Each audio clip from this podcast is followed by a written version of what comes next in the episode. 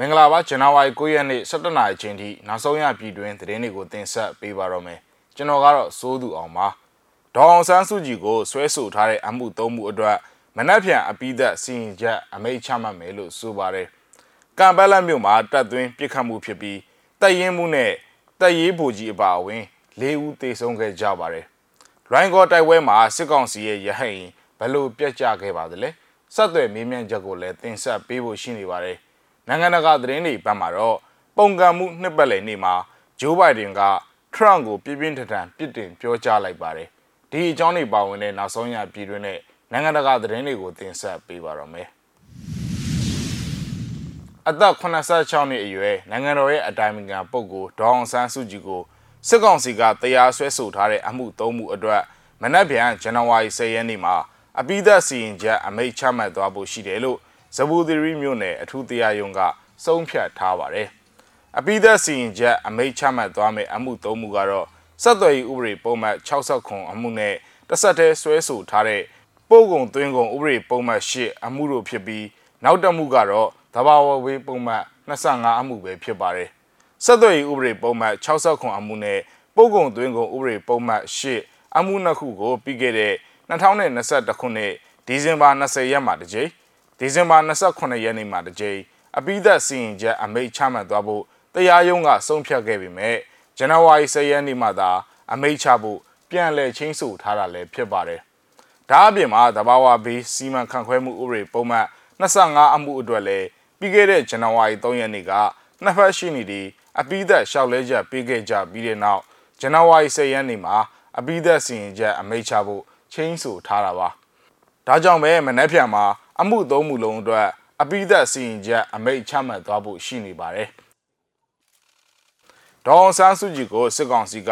စစ်စုပေါင်းအမှု12မှုနဲ့တရားစွဲဆိုထားရာ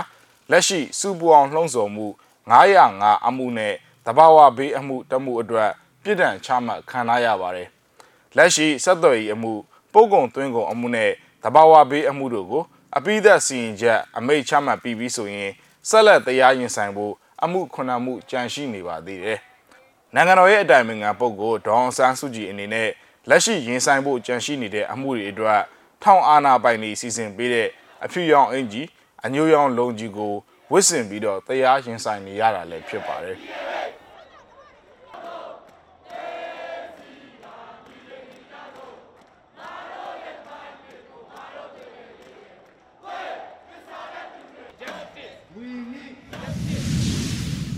ရှမ်းကယားနယ်စပ်မိုးပြဲမြို့အထွတ်ဟိုက်ကွီကျွော်နားမှာရှိတဲ့နေပြည်တော်ကိုတွေ့တန်းထားတဲ့လျှက်စစ်ဓာတ်လိုင်းတာဝါတိုင်းနှစ်ခုကိုကရင်နီအမျိုးသားများကာကွယ်ရေးတပ်ဖွဲ့တပ်ရင်းနှစ်ခုက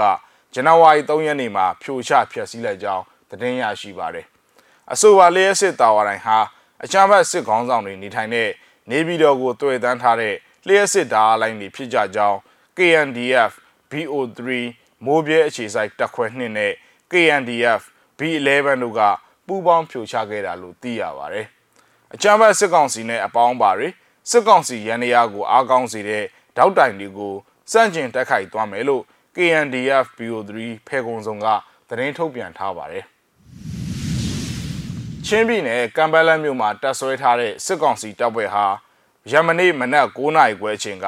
အချင်းချင်းစကားများပြီးပြစ်ခတ်မှုဖြစ်ပွားရာတပ်ရင်းမှုအပါအဝင်တပ်ရေးဗိုလ်ကြီးတယောက် တက်ကြက်ကြီးနဲ့တပ်သားတယောက်တေဆုံးခဲ့ကြောင်းသိရပါတယ်။ဘယ်ကနေဘလို့စားဖြစ်တယ်ဆိုတာတော့မသိနိုင်ဘူး။တက်ကြက်ကြီးကစားဖြစ်တာလို့ပြောတယ်။သူလည်းသေသွားတယ်။သူ့ကိုဝိုင်းပစ်ကြတယ်ထင်တယ်။အခုသေသွားတယ်ဆိုတဲ့တပ်ရင်းမှုကတဘောထားပျော့ပြောင်းတဲ့လူလိုလည်းသိရတယ်ဆိုပြီးမြေပြင်သတင်းရင်းမြစ်တွေကပြောပါတယ်။ကမ်ဘလမြို့မှာမြို့နယ်အုပ်ချုပ်ရေးမှူးရုံးရဲစခန်းနဲ့ရန်အောင်ရတနာစီဒီကုန်းတို့မှာစစ်တပ်ကတပ်ဆွဲထားပြီးအင်တာနက်လိုင်းတွေဖြတ်တောက်ထားတာကြောင့် ဖြစ်စဉ်အသေးစိတ်ကိုဆက်လက်စုံစမ်းနေစောဖြစ်ပါတယ်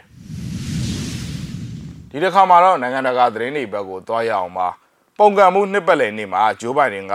ထရန့်ကိုပြင်းပြင်းထန်ထန်ပြစ်တင်ပြောကြားလိုက်ပါတယ်အပြည့်အစုံကိုကြည့်အောင်ပါ ဇန်နဝါရီလ6ရက်နေ့မှာကက်ပီတော်မှာဖြစ်ပွားခဲ့တဲ့အထီးကရုံးရဲ့ပထမဆုံးနှစ်ပတ်လည်နေ့မှာဒေါ်နယ်ထရန့်ဟာအလိမ်အညာတွေနဲ့2020ရွေးကောက်ပွဲရလဒ်ကိုလွှမ်းမိုးနိုင်ဖို့ကြိုးပမ်းခဲ့ကြောင်းနဲ့ဒီမိုကရေစီရဲ့လမ်းမျိုးကိုဓာတ်တိုးမခံရအောင်ကြိုးပမ်းသွားမယ်လို့သမ္မတဂျိုးဘိုင်ဒန်ကကတိပြုပြောကြားလိုက်ပါတယ်။ Trump ရဲ့လုပ်ရက်အတွက်တနစ်ကြာအောင်လုံလုံရရလစ်လျူရှုထားခဲ့တဲ့ Biden ဟာ Republican သမ္မတဟောင်းကိုရှုံးနိမ့်မှုကိုလက်မခံနိုင်တဲ့အတ္တသမားတဦးအဖြစ်ပြင်းပြင်းထန်ထန်ပြစ်တင်ရှုံချလိုက်ပြီး၎င်းကိုထောက်ခံသူတွေနဲ့ရွေးကောက်ပွဲရလဒ်ကိုဖျက်ဆီးပြီး American ရဲ့ဒီမိုကရေစီကိုဖြိုခွဲဖို့လုပ်ခဲ့တယ်လို့ဆိုပါတယ်။ ဒါဟာရခိုင်ကတတိထားချင်းကပ်မှုတွေကိုစွန့်လွတ်လိုက်ပြီးပြင်းပြင်းထန်ထန်ပြစ်တင်ရှုံချလိုက်တဲ့ Biden ရဲ့မိန့်ခွန်းဖြစ်ပြီး၎င်းနဲ့ထက်တူထက်မြခါးသီးတဲ့ Republican တို့ရဲ့တုံ့ပြန်မှုတွေဖြစ်ပေါ်စေခဲ့ပါတယ်။လွန်ခဲ့တဲ့တစ်နှစ်က Trump ရဲ့ဆိုင်းဘုတ်တွေကိုကင်ဆောင်ထားတဲ့ထောင်နဲ့ချီတဲ့လူတွေကျူးကျော်ဝင်ရောက်လာပြီးရဲတပ်ဖွဲ့ဝင်တွေကိုတိုက်ခိုက်ခဲ့တဲ့ Capitol အတွင်းရှိခမ်းမအတွင်းကနေဒါဟာလက်နက်ကင်ပုံကံမှုတစ်ခုပဲလို့ Biden ကပြောကြားလိုက်ပါတယ်။ ကျွန်ုပ်တို့ရဲ့သမိုင်းမှာပထမဆုံးအဖြစ်သမ္မတတဦးကရွေးကောက်ပွဲမှာရှုံးနေခဲ့တဲ့အတွက်ငြိမ်းချမ်းစွာအာဏာလွှဲပြောင်းပေးရေးကိုတားဆီးဖို့ကြိုးပမ်းခဲ့တာဖြစ်တယ်လို့၎င်းကဆိုပါတယ်။ဒီမိုကရေစီရဲ့လယ်မျိုးကိုဘယ်သူမှဓာတ်နဲ့ထိုးခွင့်မပြုဘူးလို့လွတ်လပ်တဲ့ကမ္ဘာဥဆောင်နိုင်ငံအဖြစ်ကာလကြာရှည်စွာပုံဖော်နိုင်ခဲ့တဲ့နိုင်ငံတနိုင်ငံရဲ့အန်ရီတွေကိုထုတ်ဖော်ပြသရင်းဘိုင်ဒန်ကဒေါသတန်အပြည့်နဲ့ပြောကြားခဲ့ပါတယ်။ နောက်ဆုံးအနေနဲ့ဆက်သွယ်မင်းမြတ်ချက်သတင်းတစ်ပုဒ်ကိုလည်းတင်ဆက်ချင်ပါသေးတယ်။ကရင်ပြည်နယ်ဒီမော့ဆိုမြို့နယ်နဲ့ရိုင်းကော်မြို့နယ်တို့မှာစစ်ကောင်စီတပ်နဲ့ပြည်သူ့ကာကွယ်ရေးပူးပေါင်းတပ်ဖွဲ့တို့ဇန်နဝါရီ10ရက်နေ့ကတနေ့လုံးနီးပါးတိုက်ပွဲတွေဖြစ်ပွားခဲ့ကြပါတယ်။အဲ့ဒီတိုက်ပွဲမှာအကြမ်းဖက်စစ်ကောင်စီရဲ့ရဟတ်ရင်ဒဇင်ပစ်ချခံရပြီးရိုင်းကော်မြို့ဒေါ်မူကလာကျေးရွာနားမှာပြစ်ကြကမီးလောင်ပျက်စီးခဲ့တယ်ဆိုပြီးကရင်နီအမျိုးသားများကာကွယ်ရေးတပ် KNDF ကသတင်းထုတ်ပြန်ထားပါတယ်။ စစ်ကောင်စီရဲ့ရဟတ်ရင်ကိုပြစ်ချခဲ့တဲ့အဖွဲ့က KNDF ဘျူရို9ရဲ့ဒုတက်ခွဲမှုတယောက်ကိုလည်းမြစည်းမကဆက်သွယ်မေးမြန်းထားပါတယ်ကျွန်တော်က KNDF ဟိုတိုင်ရင်ငါ BO5 ကအာဒီနေ့အဲ့ပေါ့နော်ဒီရဟတ်ရင်လေပြစ်ချခဲ့ရတဲ့ပတ်သက်ပြီးအိုအကိုကဒီရှေ့တန်းမှာလေရှိနေရလို့ပြောလို့အဲ့ဒါဟိုဒီဟုတ်ကဲ့အကိုတို့ဟိုပေါ့အဲ့အဲ့ဒီပြစ်ချတဲ့အခါတော့ရှိနေရလားအဲ့ဒီမှာဟုတ်ကဲ့ရှိနေတယ်ဒါပထမကသူတို့က ဟိုတိုက်လေရင်လာတယ်ပေါ့နော်တိုက်လေရင်လာပြီးတော့တိုက်လေရင်ကကြီးကုံဝမ်းတဲ့အချိန်မှာဆေးရဟန်ကြီးကနောက်တစ်ခါပြန်ရောက်လာတဲ့အချိန်မှာအဲသူ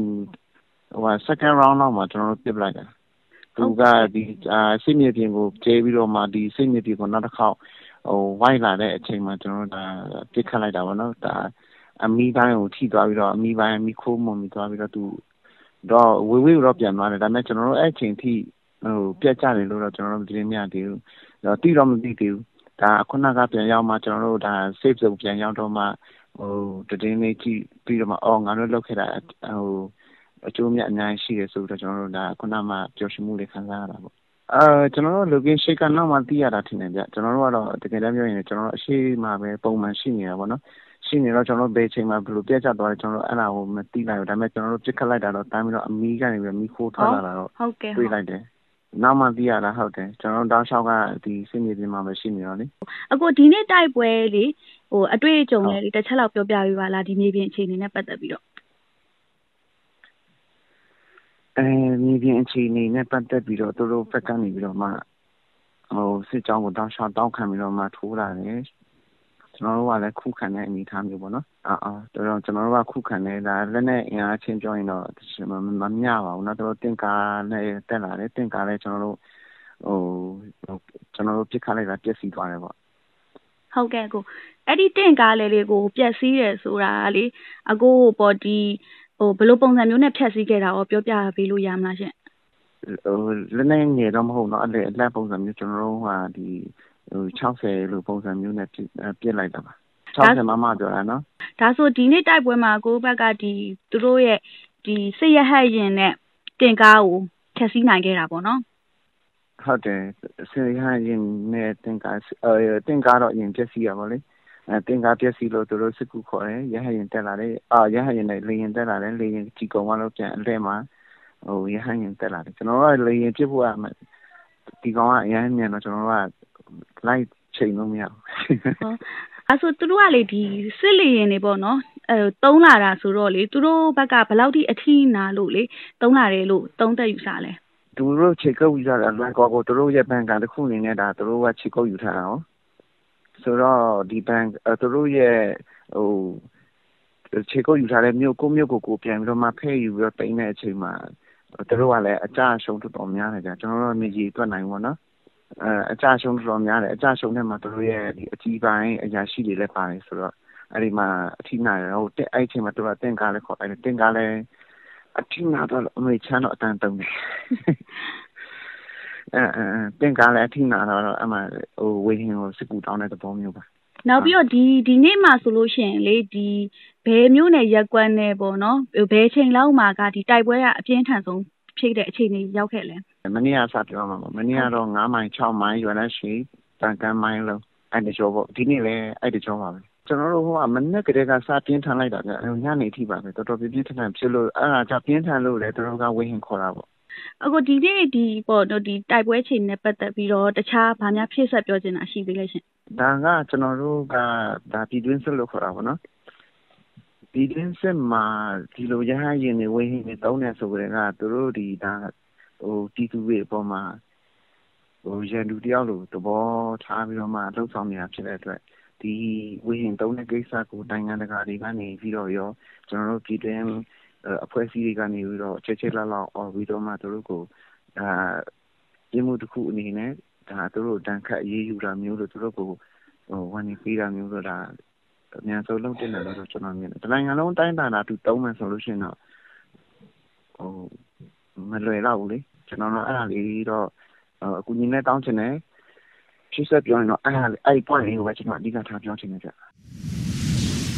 မြစီမရဲ့သတင်းအစီအစဉ်ကိုဒီမှာခဏရင်နာကြပါတယ်ကြည့်ရှုခဲ့ကြတဲ့မိဘပြည်သူသူချင်းစီကိုကျေးဇူးအထူးပဲတင်ရှိပါတယ်ကျွန်တော်တို့သတင်းနဲ့အတူတူပြန်ဆောင်ကြပါဦးမယ်